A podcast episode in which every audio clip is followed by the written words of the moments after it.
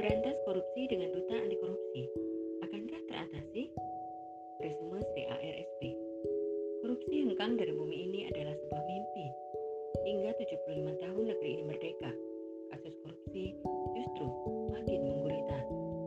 Setelah sukses menarik perhatian halayak akibat tidak lulusnya 75 anggota KPK pada tes wawasan kebangsaan, kini lembaga anti rasuah itu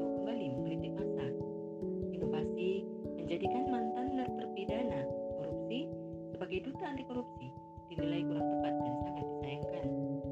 Sebab korupsi terjadi karena ada niat dan kesempatan. Maka pemikiran seorang koruptor adalah cikal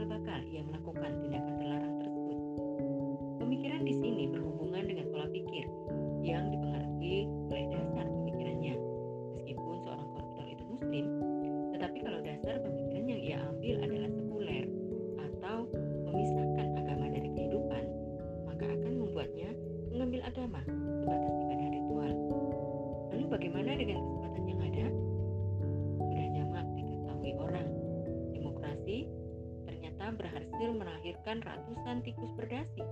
Bukan hanya itu, kelompok yang mengklaim dirinya sebagai kelompok paling demokratis ternyata sebagai penyumbang nomor wahid pelaku korupsi. Bahkan beberapa di antaranya masih buron.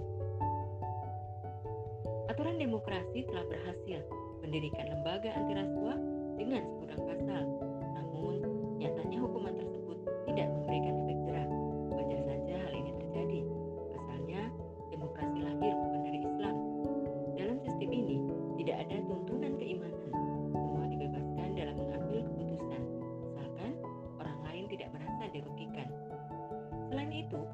aturan juga menjadi sebab musabab seseorang melakukan korupsi.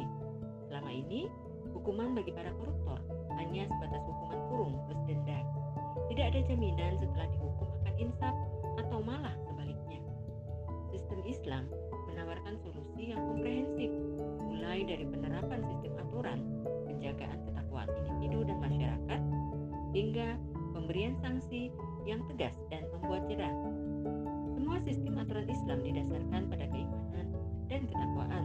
Aturan yang dibuat berasal dari tuntunan Al-Quran dan Sunnah.